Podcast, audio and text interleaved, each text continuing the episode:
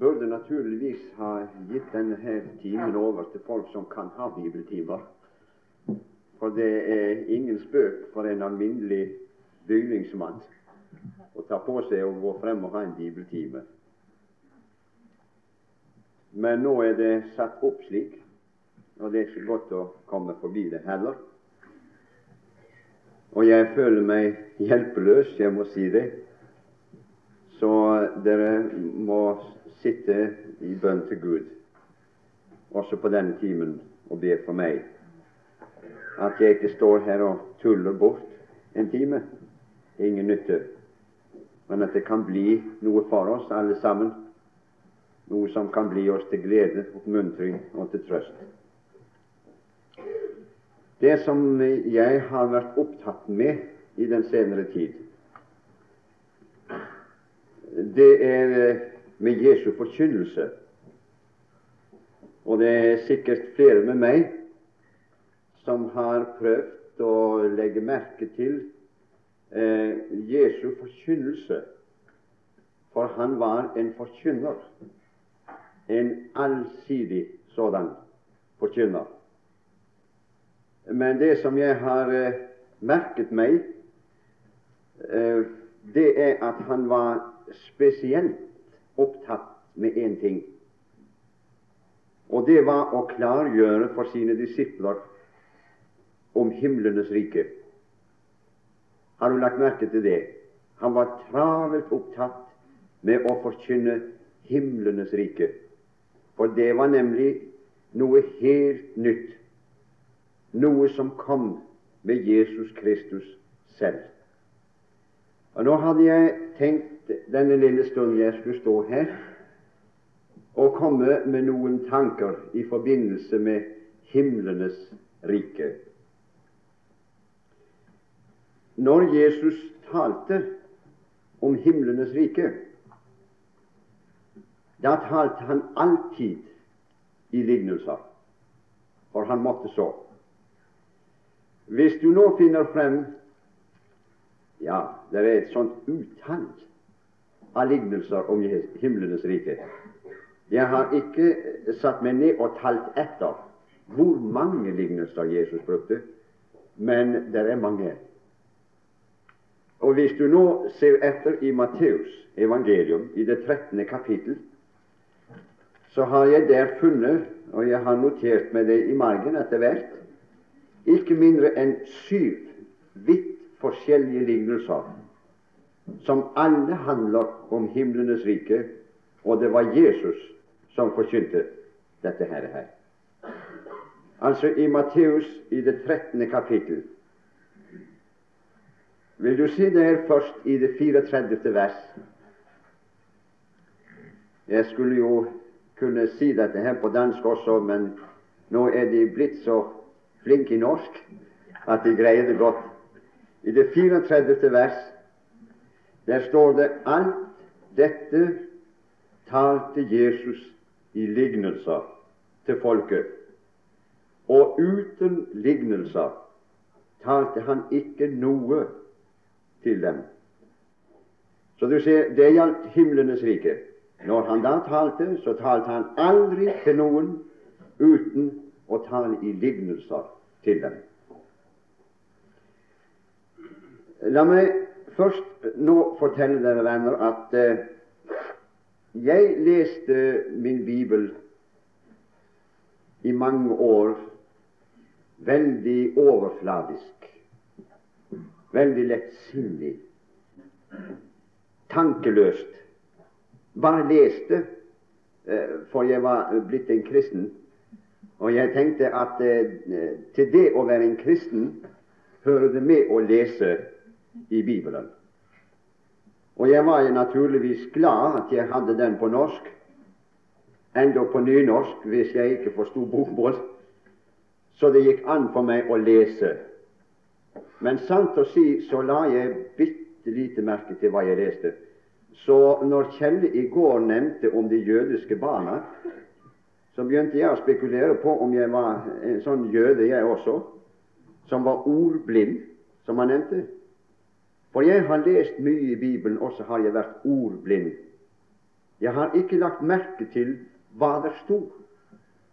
Eh, derimot har jeg hørt mye mer etter hva andre menneskers meninger var, og godtatt det som de andre sa, uten å legge merke til hva det egentlig sto i Skriftene. Det er en viss fare for eh, mange av oss. Når jeg da satt og leste om himlenes rike Det, det høres nesten rart ut for dere sikkert. Men dere, jeg trodde faktisk lenge at jeg satt og leste om himmelen. Ja, Det er nesten en skam å si det. Men jeg trodde at jeg satt og leste om himmelen når jeg leste om himlenes rike. Er det noen av dere som er i slekt med meg? Tror dere også at det er himmelen vi leser om når vi leser om himlenes rike? Min venn, da, da viser det seg altså hvor overfladiske vi er når vi leser. Jesus talte aldri om himmelen når han talte om himlenes rike. Nei da. Da har vi ikke lagt merke til hva det står i lignelsene. For ikke i én av lignelsene som Jesus brukte om himlenes rike, skal du finne ett himmelsk forhold. Men du skal legge merke til at i alle disse lignelsene så vil du finne typiske jordiske forhold, sånn som vi har det her i denne verden. Skal vi ta oss tid til å lese litt nå og se det? Vi holder oss til Matteus 13. Det er greit, det. Vi kan godt ta med oss et par andre lignelser også fra andre evangelier, hvis du vil. Eh, den første lignelsen i dette kapitlet det begynner i det tredje verset. Og han talte meget til dem i lignelser og sa:" Se, en såmann gikk ut for å så. Bare den begynnelsen, f.eks. Synes du det er noe særlig himmelsk ved det der? Tror dere at det er bønder i himmelen? Nå må ingen misforstå meg. Jeg vil inderlig håpe at det er bønder i himmelen, men de får aldri sjanse til å gå ut og så nede. Nei, det er gjort. Det er de heldigvis ferdig med. Nå skal bøndene få hvile seg når de kommer til himmelen. De skal ikke ut og så mer. Men det er, det noe som går for seg her. Hva er det Jesus taler om? Han taler om himlenes rike. En såmann gikk ut for å så, og da han sådde, falt noe ved veien, og fuglene kom og åt opp. Ja, Det blir svært å lese eh, alt sammen. Nå var det slik at eh, disiplene forsto ikke denne lignelsen her, så de gikk til ham og spurte kan du eh, Ja, de forsto engang ikke lignelsen. Nei. Så de gikk til ham og spurte kan du eh, forklare oss litt nærmere. Kan du tolke den lignelsen for oss og fortelle hva du mener med den lignelsen? Ja da, sa Jesus, det kan jeg. Så vil vi lese da i det 18. verset der, så står det så hør da lignelsen om såmannen. Så nå tolker han det. Hver gang noen hører ordet om riket Han taler om himlenes rike. Og hver gang noen hører ord om riket og ikke forstår det, kommer den onde. Si meg en gang har dere noen forståelse av at den onde skal få sjanse til å gjøre noe i himmelen? Min venn, den onde er utelatt ifra himmelen. Kommer aldri inn der. Nei. Men her leser vi om et forhold i himlenes rike, hvor den onde kommer og røver det som er sådd i hans hjerte. Dette er den som ble sådd ved veien, osv. Den andre lignelsen det er, finner vi i det 24. vers. Himlenes rike er å ligne med en mann som hadde sådd god sæd i sin aker. Men mens folkene sov, kom hans fiende og sådde ugress blant hveten og gikk så bort. Tror dere, mine venner, at det er noen som skal gå for seg i himmelen? Jesus talte ikke om himmelen, men han sier himlenes rike er å ligne med. Men ikke himmelen. Den tredje vi finner i, i dette kapitlet, det er det 31. vers. En annen lignelse fremsatte han for dem og sa himlenes rike er likt et sennepskorn som en mann tok og sådde i sin aker. Den fjerde lignelsen i det 33. vers himlenes rike er likt en surdeig som en kvinne tok og skjulte i tre skjepper mel, til det ble syret alt sammen. Eh, I det 44. vers himlenes rike er likt. Ser du? Han bruker lignelser og lignelser igjen og igjen. Det er likt en skatt som var gjemt i en aker, og som en mann fant og skjulte, og i sin glede gikk han bort og solgte alt han hadde, og kjøpte akeren. Nå kan vi bare fortsette med lignelsene nedover. Atter er himlenes rike likt en kjøpmann som søkte efter gode perler, og da han fant en kostelig perle, gikk han bort og solgte alt det han hadde, og kjøpte den. Og den siste, syvende og siste i rekken i det kapitlet atter er himlenes rike likt en not som kastes i havet. Og hav skal ikke være mere. Er det ikke så i himmelen? Men her kastes det en not i havet. Det er himlenes rike. Så dere skjønner det at jeg var en meget overfladisk person når jeg leste min bibel. Når jeg kunne sitte og innbille meg at dette er himlenes rike. Men da skal jeg si dere venner at hvis det ikke er bedre i himmelen enn Jesus taler om himlenes rike, da er det ikke et hår bedre i himmelen enn det er her på jorden. For dette er et rike Jesus taler om her på jorden. I himmelen er forholdet helt et annet. Eh, skal vi ta litt mer med oss også? Men vi sitter jo her vi sammen og skal lese Guds ord, så eh, Du kan si det 22. kapittel er hos Matteus, det også.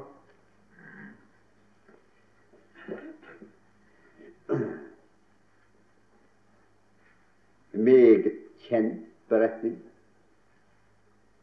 Himlenes rike er å ligne med en konge som gjorde bryllup for sin sønn. Ja, sier noen, det må da absolutt være i himmelen. Ja, dere, vi er på vei til bryllup. Det er helt sikkert. Det er det forberedende vi er under nå. Vi er underveis til bryllups.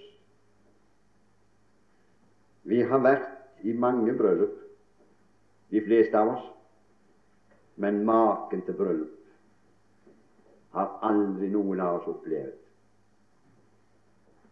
Der du og jeg skal bli vist en oppmerksomhet som langt overstiger det vår tanke kunne greie mens vi var her. For hvem er det man er opptatt med i et bryllup? Er det brudgommen? Nei, som regel ikke. Det er bruden. Han går stakkar og tuffer ved siden av. Men alles øyne er vendt imot bruden, den hvitkledte, nydelige, og hvor skjønn hun er. Du ser mange feller tårer. Jeg har sett det mange ganger i bryllup når hun kommer inn så skjønn. Og jeg tenkte stakkars bror. Ingen ser på han. Nei. Jo da, det er en som ser på ham. Det er bruden. For han som går ved hennes side, det er hennes alt. Han er min glede. Han er min fred. Han betyr alt for meg. Så om ingen annen ser på ham, han er min. Men alle andre er opptatt med henne. Og det er hans brudgommens glede at de er opptatt med henne. Ja, min venn, du skal bli vist en oppmerksomhet når du kommer til himmelen og skal til bryllups, som du aldri er blitt vist her. Her strever folk mest livet av seg for å få oppmerksomheten rettet på seg. De kan kle seg og bære seg av som en skam. La skjegget vekse og håret og skjørtene oss bare for å tiltrekke oppmerksomhet. Ja, min venn, du behøver ikke det der. Skape deg til. Oppmerksomheten skal bli vendt mot deg. Himlenes rike er å ligne med en konge som gjorde bryllup for sin sønn. Og Vi vet hvem Jesus og hva Jesus mente. Men så leser vi om forholdet. Og han sendte sine tjenere ut for å be de innbudne komme til bryllupet. Skal det skje i himmelen? Nei, det skjer ikke i himmelen. Det skjer her. Det skjer i dag. Det skjer nå. Er himmelens rike. Nå, vi behøver snart rett å lese det 25. kapittel.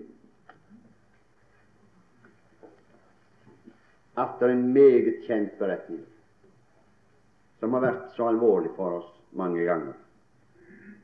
Da skal himlenes rike være å ligne med ti jomfruer som tok sine lamper og gikk ut for å møte brudgommen men fem av dem var dårlige og fem kloke, osv. Beretningen kjenner du til. Min venn, det er ikke et forhold som er i himmelen. Det er vi ganske klar over alle sammen.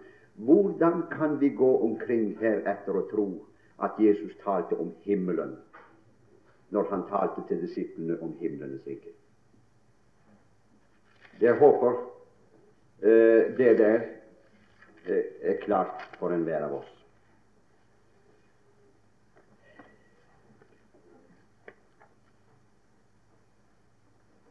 Jeg har også tenkt over egentlig hva en, en lignelse er for noen ting. Hva er egentlig en lignelse? La meg få si det slik en lignelse det er alltid et eller annet jordisk forhold som avspeiler guddommelige og åndelige sannheter. Slik at når Jesus benytter lignelser, vil det enkelt si oss at han tok fatt på kjente, synlige ting som jødene, det var de han talte til, som de var kjent med, for igjen å åpenbare ukjente og usynlige ting for dem. Det er en lignelse. Jeg har allerede nevnt for dere at han brukte mange lignelser. Det forundrer meg litt, altså, når jeg var lettsindig i min bibellesning.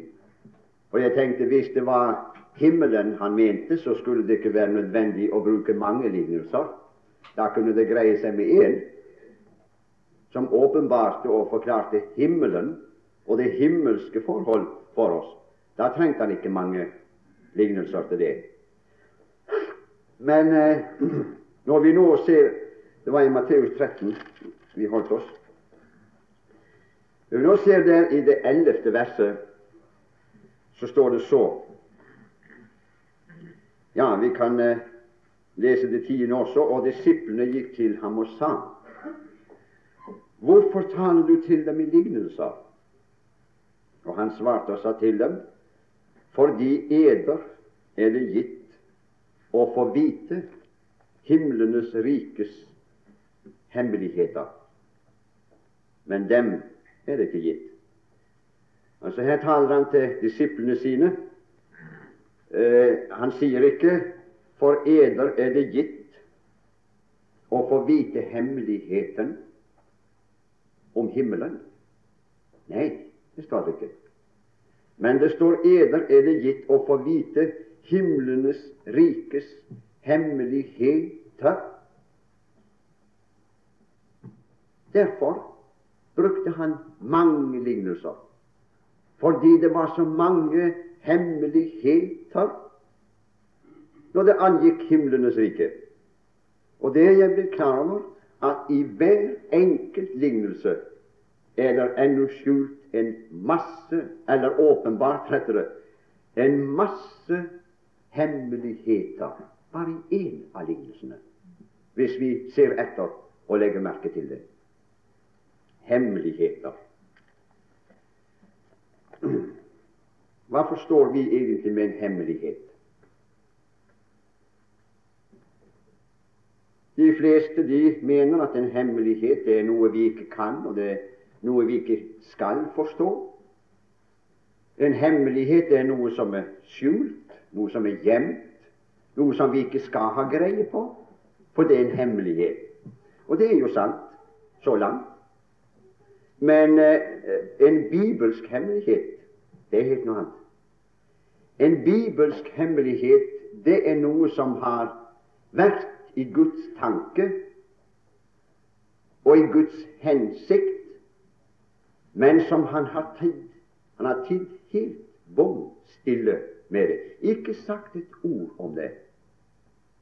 Men det har vært i hans tanke, og det har vært i hans hensikt, at det en gang skal bli klart. Men han tidde stille for en bestemt tid. Men nå er tiden inne Derfor så sier han til sine disipler fordi eder Nå er tiden inne. Eder er det gitt å få vite himlenes rikes hemmeligheter. Hvis du ser i det 17. vers i det samme kapittel Vi holder oss fremdeles i Matteus 13. Sannelig sier jeg eder mange profeter Tenk det. Profeter.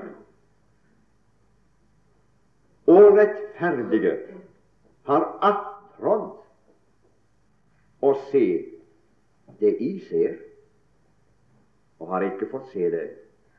Kan du tenke deg det? En profet fremsynt som kunne forklare hva som skal skje til alle tider fremover, de samme profeter de attrådde etter å få se det disiplene nå fikk se. De hadde aldri sett det. Det var skjult for dem. Hemmelighet enda for profeter og rettferdige. De har attrådd å høre det i hører, og har ikke fått høre det. Det kommer så for meg når jeg leser dette her om hemmeligheter, slik som vi vanligvis pleier å ha det her i Norge når det nærmer seg jul. Da er det mange hemmeligheter gjemt i skuffer og skap. Er vi voksne, vetige mennesker som steller med det der. Vi har kjøpt julepresang, heter det, til våre barn, og vi har kjøpt det til hverandre som voksne mennesker også, men vi går og gjemmer på det. Og jeg tenkte folk, hvorfor kan ikke barna få det den 15. desember? Hvorfor vente til den 24. desember om kvelden? Det er forresten min bursdag, det der, så mye dere vet det nå. En meget dum dag å ha bursdag på. Jeg er blitt snytt for så mange presanger at det. Men eh, vi går og venter i, i, flere måneder mange ganger. Så de som kommer fra Uniten nå i, i, sommer, de har med seg julegaver allerede nå. Og barna vet at der, der, der inne ligger det. Men den er låst. Og de prøver å kikke og lete etter nøkkelen. De attrår etter å få se. Men nei, det er en hemmelighet inntil den 24. desember om kvelden. Men det er en stor dag. Ja. Men det er en jubel når hemmelighetene åpenbares. Da ser du mange øyne som stråler av glede. Og jeg kan eh, huske eh, fra min datter, som også er her, hun var ganske liten. Eh, hennes mor hadde strikket en genser og en lue og vanter i samme mønster, og det var en meget vanskelig mønster, så hun hadde streva hardt for å få det der til. For du vet, Når man slipper ned en maske, så skal det jo på død og liv tas opp igjen, selv om de har streka genseren nesten ferdig, når de oppdager det der. Og skulle ha det ferdig etter jul, for det var hennes julepresang. Og jeg tenkte det var sikkert mye bedre om du strikka den til påske, for uh, du, du, du blir så skuffet. Og hun ble det. Det var den pakken som uten tvil var den mest dyrebare av de som lå under juletreet. Eh, det andre var sånn som eh, eh, lagde lyder. Det er jo sånt de vil ha. Leker. Og når julekvelden kom, ja, så var det stor glede. Så kom også den lille pakken. Men det, det, det ble veldig trist for meg. Og jeg tenkte det må være gruelig trist for Borghild der hun har sittet i alle disse timene og arbeidet og strevet med. Uh, hun hadde vel lyst til å se en som strålte av glede da, men nei, hun bare knep litt på den pakken, og så la hun den vekk. For det var en sånn bløt pakke. Jeg tror jeg skrev om det en gang også til evangelisten. Julenummer, eller hva det var. Jeg syntes det var så skuffende.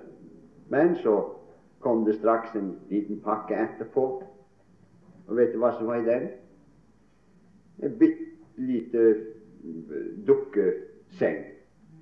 Og oppi lå det en liten tingest som skulle ligne en dukke, men det var 4 kroner og 85 øre kosta den. Men du skulle sett en som strålte av glede. Og akkurat det som jeg ønsket meg. Og ja, tenkte jeg, det stemmer. Det er den slags folk ønsker seg. Det leker noe verdiløst. Men det som virkelig trengs, må, tenkte hennes mor, hun visste bedre. Det skal komme mer vel med det som ligger i den uåpnede pakken. Det skal varme deg når kulden setter inn. Genseren og luen og vantene Du skal nok en gang bli mye mer glad for det enn for ei lita dukke til 485 kroner og 85 øre. Men jeg har tenkt på så ofte vi, vi ligner slike små åndelige eh, babyer. Der. Vi er så skrekkelig opptatt med, med, med leketøy, får jeg si, i denne verden. Men det egentlige som Gud har gitt oss i julegave, det, det, stenger man seg til for. Man har ikke fått øynene opp for hvilken verdi det er i det som Gud har gitt. Nå vel, iallfall så leser vi om både profetene og de rettferdige som går der og atter, og jeg synes de er som barna før julekvelden. Kikker og ser Det er noen ting, men de, de kunne ikke få se det. Men eder er det gitt. Min venn, det er blitt julekveld, åndelig talt for disiplene. Nå skal det åpenbares, det som har vært skjult fra evige tider. Det er himlenes rike. Og til det måtte, ha, måtte han ha mange lignelser. En av de lignelsene som jeg mest har arbeidet med, og som har gitt meg mest, det er lignelsen om, om perlen. Jeg lurer på om jeg skal eh, ta litt tid nå eh, når det gjelder den perlen. Du verden så vidt det er blitt for meg. Det er det 45. og det 46. vers. Atter er himlenes rike likt en kjøpmann som søkte efter gode perler. Og da han fant en kostelig perle, gikk han bort og solgte alt det han hadde, og kjøpte den.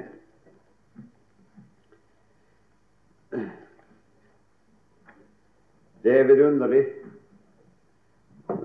må være å finne en ekte kostelig perle. Jeg eh, hørte naturligvis, og jeg satt med mine egne tanker også lenge om hva Jesus mente når han talte om kjøpmannen og perlen. Og den alminnelige fremstilling og tolkning av dette, det er jo Ja, det er så forskjellig, forresten. Jeg hørte en som talte over denne teksten, og han hadde funnet ut da at eh, med perlen så mente Jesus eh, Guds ord, de åndelige sannheter og sannhetene om himlenes rike. Og en annen han la rett fram at perlen, det var evangeliet. Men eh, den mest alminnelige, og det jeg har hørt mest av, det er at eh, det er Jesus. Han mente ganske enkelt seg selv når han talte om perlen. Men når det gjelder kjøpmannen, så har de alle sammen vært enige. Kjøpmannen, det er du og jeg. Ja da. For uh, som søker i verden efter lykke, som jeg hørte en sa, uh, og når det mislykkes, så finner vi til sist uh, himlenes rike sannheter. Eller vi finner evangeliet, eller vi finner Jesus, og så blir vi så begeistret at vi selger alt det vi har, og så kjøper vi evangeliet. Så kjøper vi Guds ord. Ordet om himlenes rike. Ja da, og så kjøper vi Jesus. Og så blir vi herlig frelst. For han er perlen. Og når vi har fått Jesus, så er vi frelst ikke før. Min venn, eh, alvorlig talt, syns du at det, det høres eh, sannsynlig ut til deg? Jeg vet at det er sikkert mange av dere også som har godtatt det der. Hvorfor har dere godtatt det? Har du spurt en av de som fremstiller perlen på det viset der, om de kan bevise sin påstand ut ifra Skriftene? Jeg har spurt. Men det er ikke én som kan henvise til ett Guds ord som forteller det der. Nei, det blir godtatt bare fordi det er allment. Ja, det er en eller annen større fortolker som en gang har nevnt det, så blir det godtatt fordi han har sagt det. Men dere, vi, eh, vi går ikke så lett på, gjør vi? Når det gjelder de åndelige og guddommelige sannheter der, så synes vi at dette er altfor lettkjøpt til å anta saken på, ikke sant? Det må kunne bevises ut ifra Skriftene, det vi kommer med. Men det der om at vi er den kjøpmann som selger alt det vi har, for å kjøpe Jesus, det vil du aldri finne noen steder om i Skriften. Ikke et sted. Enda er det flere grunner for at vi ikke kan godta uh, den fremstilling. Jeg tenker på dette med å kjøpe nettopp det. Der jeg har aldri visst at frelsen var til salgs. Har du forstått det noen gang? At det går an å kjøpe frelsen? Hva skulle vi egentlig kjøpe for, om jeg tør spørre? Hva er det du har solgt? Hva er det du har kjøpt? Skal jeg si deg en ting? Det eneste vi har, både du og jeg, det er synd. Det er det eneste vi har. Og hvis du mener at Guds nåde kan kjøpes for synd Det er nesten en skam å si det. Jeg ville i hvert fall sagt du står det godt på å selge billig. Forstår du hva jeg mener? For synd er ikke noe å holde på. Det er ikke noe særlig kostbart. Så min venn, om du selger det, du står deg på å selge billig. Jeg sier det igjen. Nei, når vi leser av nåde er vi frelst. Det vil si, du er frelst helt gratis. Helt uforskyldt. Av bare nåde er vi frelst. Men det ville ikke være tilfellet hvis det var sannheten at vi solgte alt det vi eier, og så har vi kjøpt, min venn, da er det ikke av nåde. Da er det ikke uforskyldt mer. Men frelse er uforskyldt av bare nåde. Enda en annen ting som jeg hadde lyst til å nevne. Det er når det gjelder selve perlen. Jeg leste den eh, historien i en av eh, Adolf Bjerken sine bøker. Han har nemlig skrevet en bok, og den har gitt meg meget. Og den heter ganske enkelt 'Himlenes rikes hemmeligheter'. Og han har for seg alle de syv lignelsene som vi har her i Matteus 13.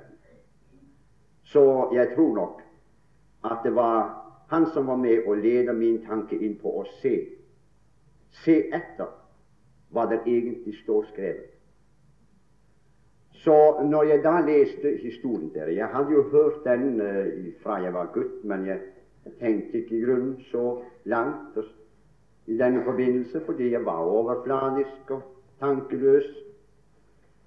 Men eh, når jeg leste den historien der, da ble det levende for meg. Konrad, du har faret vill i din oppfatning. Og så har jeg fått sett noe uendelig stort. En perles historie, du, den kjenner du til. En perle det er ikke noe som blir til oppi et butikkvindu, er det? Den gjør seg ikke der. En perle det er ikke noe som blir laget på et gullsmedverksted. Det er bare kunstig perle i tilfelle. En ekte perle det er ikke noe som blir funnet i et kostbart mineral i jorden. Nei, eller som dannes på et kjemisk laboratorium. Nei. En perle er utenom alle andre juveler i sin historie. Det fins ikke en juvel som har en slik opprinnelse og en slik historie som perlen. En perle det er noe som blir til dypt nede i havbunnen, i mørket. For der er det nemlig et lite havdyr som kalles for muslingen. Og hvor vi kjenner den historien. Der nede i havets dyp er det en perle blir dannet. Av et levende vesen. Ja da. Så en perle, det er produktet av et levende vesen. Det hender nemlig at når muslingen åpner skjellene og suger inn vann Jeg sier da hender det at det følger med et lite sandstøv. Og når det er kommet inn og setter seg i det fine muskelvevet hos muslingen, så oppstår det straks en ondartet betennelse. En betennelse som skaper en gruelig smerte hos muslingen. Så den hele tiden er under bevegelse. Stadig ligger den muslingen og beveger seg under smertene og Under den bevegelsen så er det en kjertel som settes i virksomhet. Og den utsondrer en slags væske, en væske som omkapsler det sandstøv som er kommet inn, og lagt en slik forstyrrelse og en slik ugruelig smerte for denne muslingen. Men den væsken kapsler den sandstøvet inne.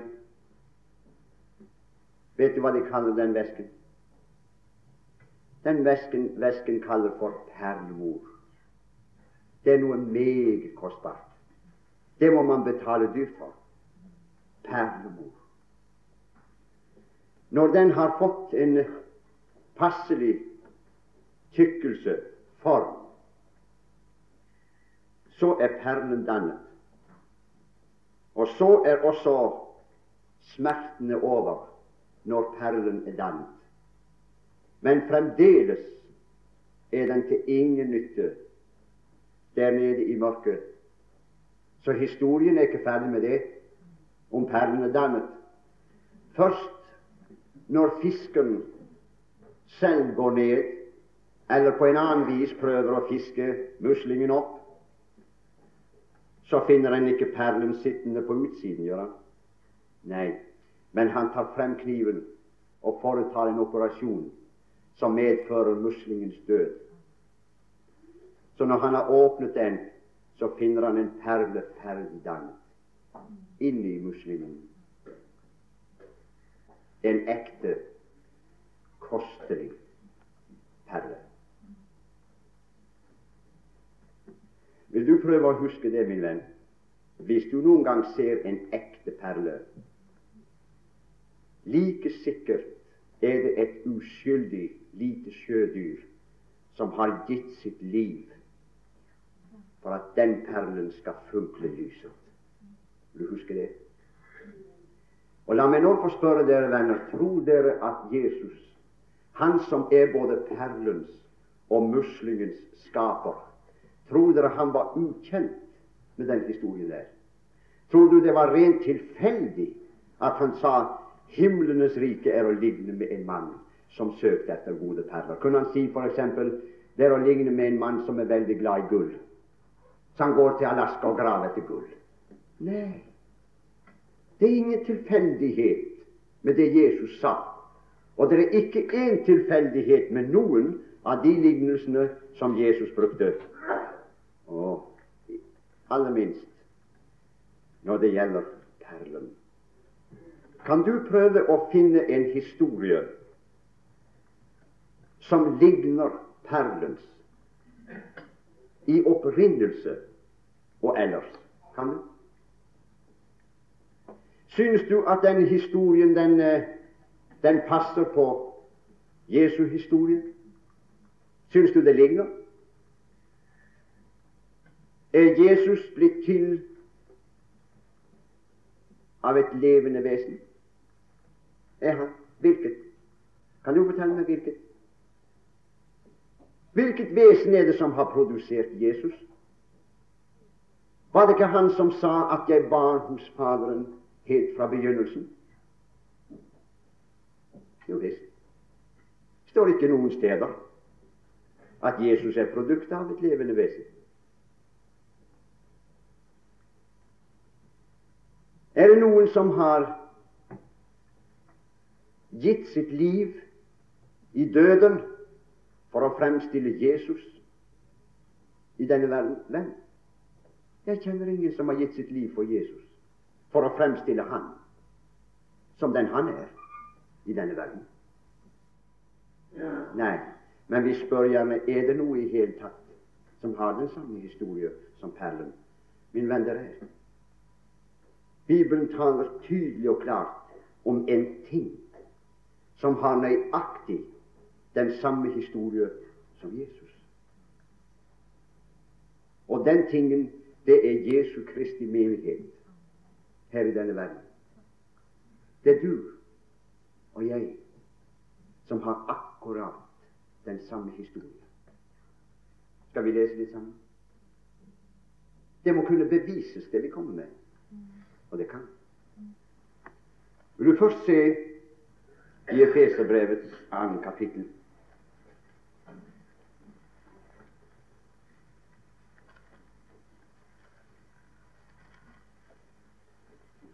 og det tiende vers.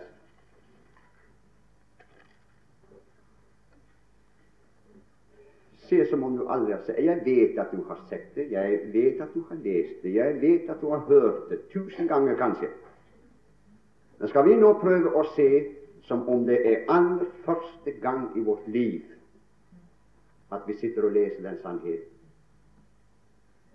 For vi, ikke han, men vi er hans verk. Han er ikke vårt verk, er det? Nei, men vi, vi er hans verk, skapt i Kristus Jesus. Stemmer? Å, dere som sitter her. Dere, vi er verk. Og så er vi skapt Ikke hvor som helst når vi er Hans verk, men Han har skapt oss i Kristus Jesus. Så ble, dan, så ble også perlen dannet og skapt i et levende vesen nede på havbunnen. Skal vi se i Salme 103 Salme 103.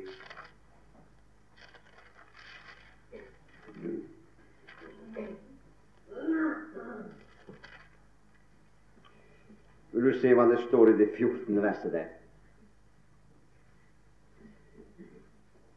For han vet hvorledes vi er skapt. Oh, ja.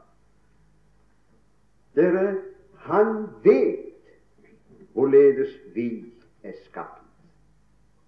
Han vet hva som står i Efeserbrevet, Jan kapittel og tiende vers. Det er han som har gitt oss det. Skapt i Kristus Jesus. Han vet hvorledes vi er skapt. Så står det mer. Han kommer i hu at vi er Hva står det? Og vi som tror vi er noe så enestående verdifullt for du store verden. Ja da, verden kunne ikke bestå uten meg.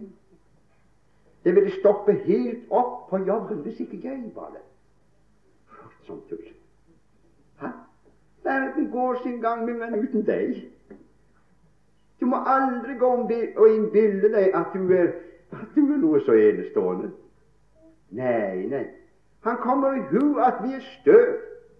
Hva er et støv? Hvor mye vil du gi for et støv?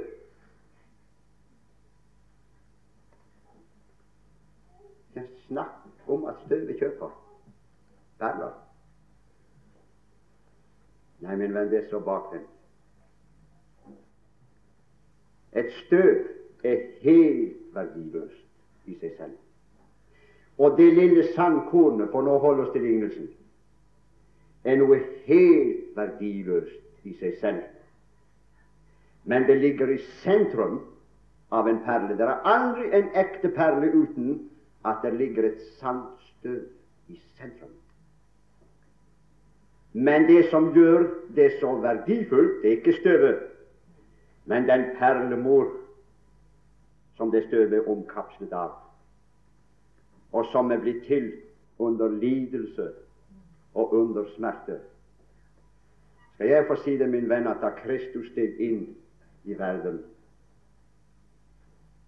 og opptok slekten i seg selv, da betød det ikke noe mindre for ham enn veien fra Golgata, fra Gabbata til Golgata. Og hva Kristus der og da led, er det bare Han og Gud som vet.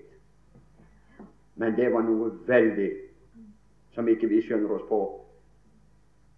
Hva var det som ble dannet underveis? Det var en menighet som skulle funkle og skinne og avspeile himmelen her i denne verden. er himlenes rike. Ja visst. Betyr det noe for Gud, tror du? Å, min venn, du er en dyrebar gjenstand. Og da han fant en kostelig perle, solgte han alt det han hadde, og så gikk han hen og kjøpte den.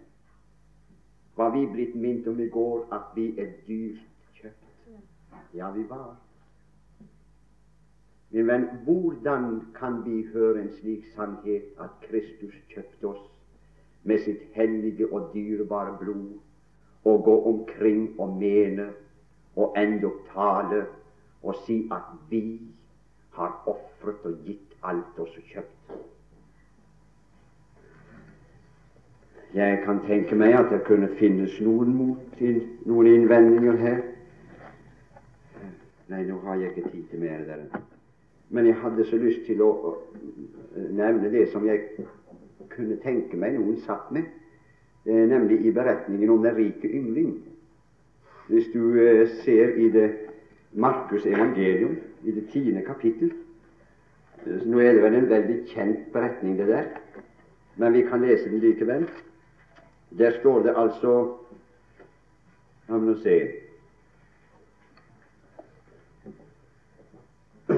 I det 21. vers Da så Jesus på ham og fikk ham kjær og sa til ham ett fattes deg.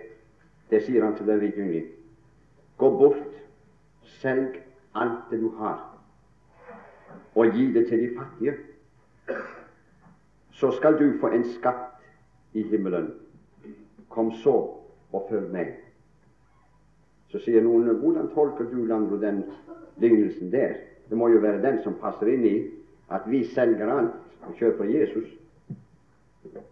Ja, så. Så du mener fremdeles at du er i eiendom av Jesus fordi du har handlet slik som det står i Markus 10 her? Jeg har hørt mye rart også om den, den beretningen. Jeg har hørt forkynnere som står frem for ramme alvor til over for sine tilhørere og sier selg alt du har, gi til de fattige.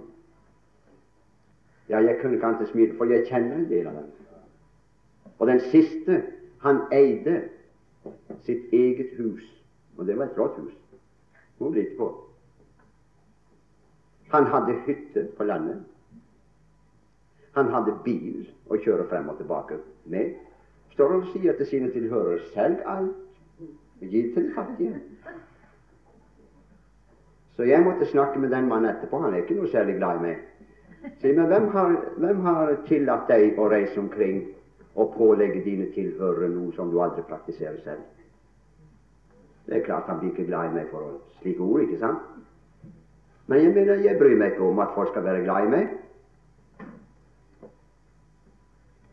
I hvert fall ikke på bekostning av sannheten. Er det enda noen av dere som påstår at de er frelst på grunn av alt det de har solgt, og alt det de har gitt? La meg få snakke med deg etter timen her i dag. Skal vi sikkert få en underlig samtale. Min venn, du har aldri oppdaget hva det vil si å være frelst av nåde. Helt uforskyldt. Aldri. Den beretningen skal egentlig fortelle oss den tingen som Jesus sa tydelig fra til sine disipler, som sto og hørte på den lignelsen. For mennesker er det umulig. Det er lettere for en kamel å gå gjennom et nåløye enn for en rik å komme inn i Guds rike. Det var Kjell inne på i går kveld. Jeg hørte det så vidt, for vi skulle stille opp og synge. Og så nevnte han om nåløyet i, i, i Jerusalem, som kom til 1500 og noe etter Kristus. Og så mener en del da at Kristus tenkte på det nåløyet. Og det var ikke umulig for kamelen, hørte jeg en som sa, å komme inn gjennom nåløyet. Hvis han bare leste av seg alt det han kom drassende med, med mye strev og møye, så skulle han greie å komme seg inn gjennom den trange passasjen inn i Jerusalem. Og så anvendte han det på forsamlingen og sier «Eh, det kanskje det lykkes for deg også. Hvis du bare leser av deg all synd og alt som du går og bærer på som er så tungt og vanskelig, og som med strev og møye prøver å komme Kanskje det lykkes at du kommer inn gjennom det himmelske Jerusalem. Å, dere, jeg synes det er forferdelig mange ganger. Jeg lider i mitt indre. Ja, det gjør jeg. Men jeg tenkte, har det aldri vært treller før, så må det bli det nå, etter en sånn forkynnelse som det der. Min venn, la meg få si det. Jesus talte ikke om nåløyet i Jerusalem, ellers hadde han sagt klart ifra. Jesus sa det er lettere for en kamel å gå gjennom et nåløye. Hva er et nåløye? Et nåløye er det som dere kvinner sitter med. Å, det hender av og til at vi menn må til, vi òg, når vi ikke har koden med oss. Nei, for det brillene. Uff. Det er sånn at du kan kjenne det kribler i hele kroppen. Det er hva vi kaller et nåløye. Venn, det kaller Jesus også et nåløye.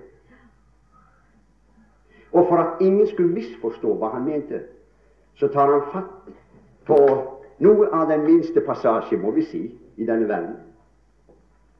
Og så tar han fatt i den forbindelse på et av de største dyrene på jorden, som er kamelen. Og så sier han det er lettere for en kamel å gå gjennom et nåløye. Hva sier vi til det? Vi sier det er helt umulig. Men det mener Jesus også vi skal si, for han sa det selv.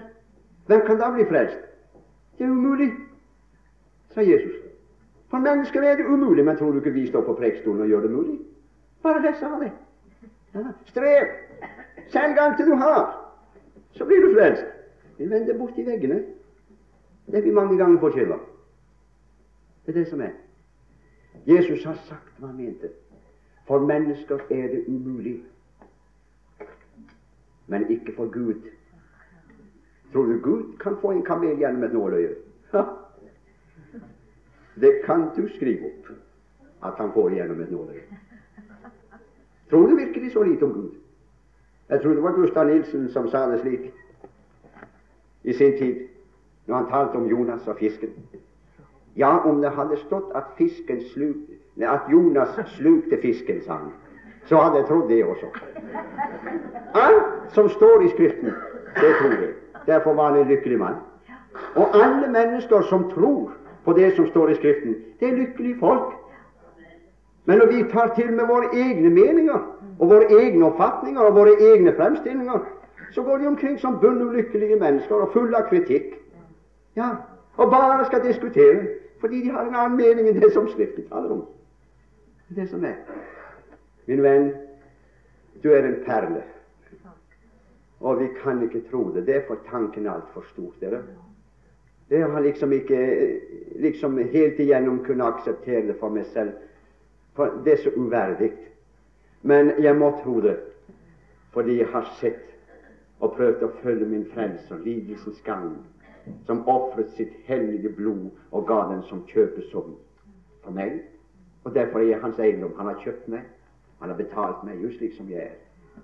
Derfor regner jeg med når jeg er ferdig her, så flytter jeg igjen der og skal takke Ham som kjøpte meg og betalte meg for evig. Kjære himmelske Far. O, la aldri noensinne korsets tre meg gå av minne, som de verdens frelser bar. Men la kors og død og smerte tale, rope til mitt hjerte vad min frälse kostat har. Amen.